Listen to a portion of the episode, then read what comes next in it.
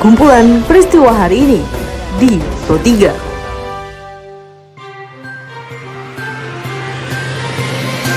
Halo pendengar, saat ini Anda sedang mendengarkan kumpulan peristiwa Pro 3. Pada podcast ini saya akan mengulas terkait dengan isu-isu aktual yang saat ini masih hangat atau ramai diperbincangkan di sekitar kita. Tentu saja nanti saya akan hadirkan cuplikan informasi dari reporter kami. Bersama saya Tika Nantia dengan naskah yang disusun oleh Karisma Rizky. Inilah kumpulan peristiwa Pro 3 selengkapnya. Pendengar sebelum saya masuk ke dalam beberapa isu aktual yang akan saya hadirkan sesaat lagi, saya mengundang Anda untuk mampir ke laman berita kami di rri.co.id.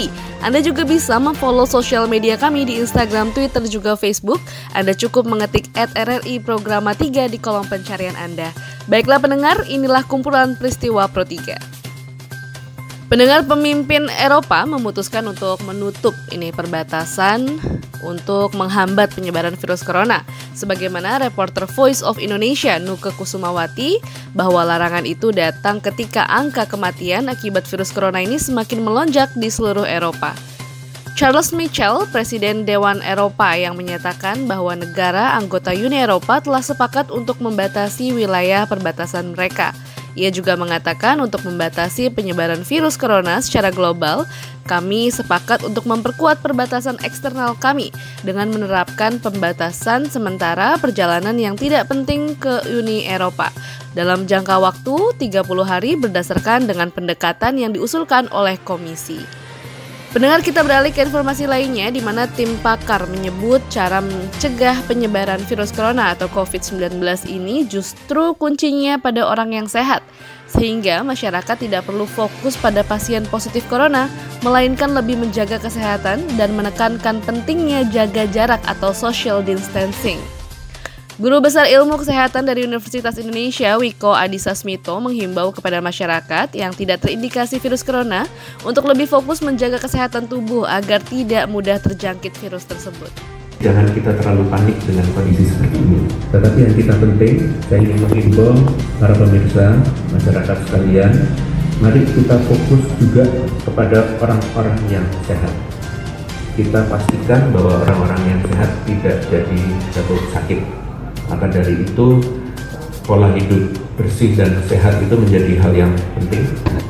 Tingginya mobilitas masyarakat di tengah penyebaran wabah virus corona atau COVID-19 yang saat ini penyebarannya masih terjadi, seperti yang dilaporkan oleh reporter kami Joshua Sihombing, ini Wiko menyarankan juga untuk masyarakat yang tetap melakukan aktivitas di tengah penyebaran wabah pandemi COVID-19 untuk dapat melakukan peminimalisasian akan penyebaran virus tersebut dengan selalu menggunakan masker saat melakukan interaksi dengan orang lain. Pendengar informasi selanjutnya ini datang dari Komisi Pemberantasan Korupsi KPK dan Pengadilan Negeri Jakarta Pusat yang hari ini telah melakukan penyemprotan disinfektan ke seluruh area gedung. Seperti yang dilaporkan oleh reporter kami Khairul Umam di mana penyemprotan dilakukan di seluruh rumah tahanan terutama di rumah tahanan KPK dan langkah tersebut dilakukan sebagai upaya dalam pengantisipasian penyebaran dari virus corona atau COVID-19. Dan Ketua Pengadilan Tinggi Jakarta Pusat, Yanto ini mengaku bahwa Pengadilan Jakarta Pusat baru hari ini melakukan penyemprotan disinfektan. Uh, kemarin saya udah telepon PMI Pusat, Pak Palang Merah Indonesia ya Pusat, kemudian saya udah Pak Wali, kemudian harusnya dijadwalkan kemarin sore. Tapi karena kemarin sore itu antrinya banyak, nah Pengadilan Negeri Jakarta Pusat baru dapat giliran hari ini dan kebetulan udah nyampe itu alatnya udah diturunkan. Ya, hari Senin antisipasi kita ya baru check-in itu sama. Selain melakukan penyemprotan disinfektan di area gedung KPK, PLT juru bicara KPK Ali Fikri mengatakan bahwa KPK telah membatasi kunjungan kepada para tahanan dan dikatakannya juga pengunjung dengan suhu tinggi dilarang untuk membesuk tahanan. Informasi selanjutnya pendengar harga kebutuhan pokok seperti gula pasir, beras, dan telur ayam di Jakarta mengalami kenaikan. Kondisi ini disebabkan kepanikan masyarakat yang memborong sembako.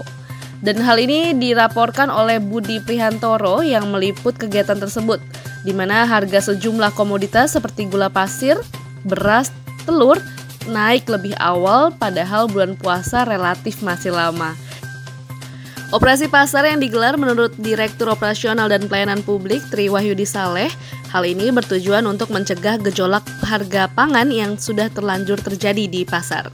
Gula aman, beras aman, nyaman. Biru, biru, Ya, sampai ke masyarakat tenang, nggak usah panik buying, nggak ada nggak ada persoalan. Ya. Aman sampai Lebaran ya Pak? Sampai Lebaran dan kalau udah pengadaan lagi sampai akhir tahun kita pun aman. Dalam operasi pasar yang dilakukan di lima pasar di ibu kota ini, masyarakat membeli satu kilo gula pasir dengan harga Rp12.000. Dengan mencegah penumpang gelap, penyelenggara operasi pasar membatasi pembelian setiap pembeli hanya untuk 2 kg gula saja. Pendengar selain itu, pedagang di kawasan Malioboro dirugikan dengan adanya kabar bohong atau hoax yang menyebut bahwa kawasan Malioboro dan sejumlah objek wisata lainnya di Yogyakarta ini ditutup karena corona.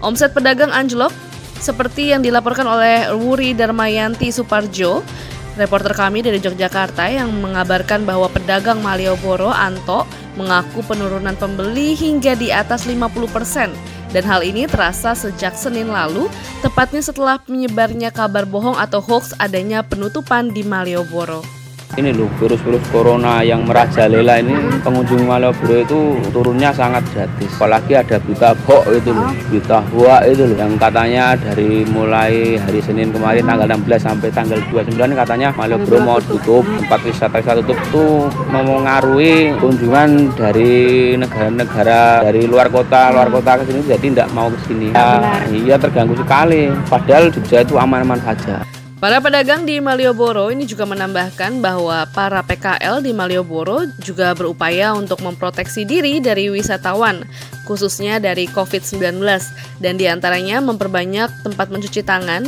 dengan memberikan sabun di sepanjang jalan Malioboro.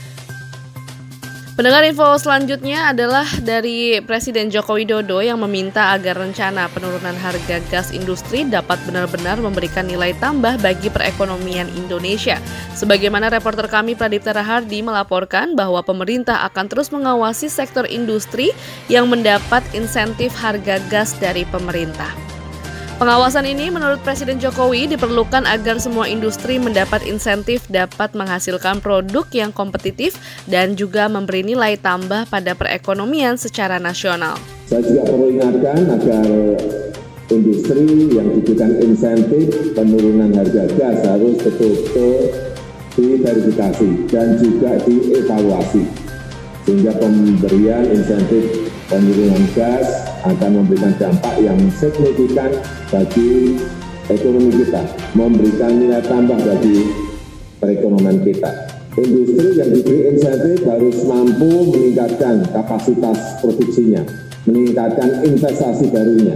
Industri yang diberi insentif juga mampu meningkatkan efisiensi proses produksinya sehingga produknya menjadi lebih kompetitif. Pendengar pelaksana tugas Dirjen Migas Kementerian ESDM Joko Siswantono mengatakan bahwa pihaknya akan terus berupaya dalam menompang harga gas industri yang sudah mendapatkan insentif dan hal ini diperuntukkan untuk pasar dalam negeri.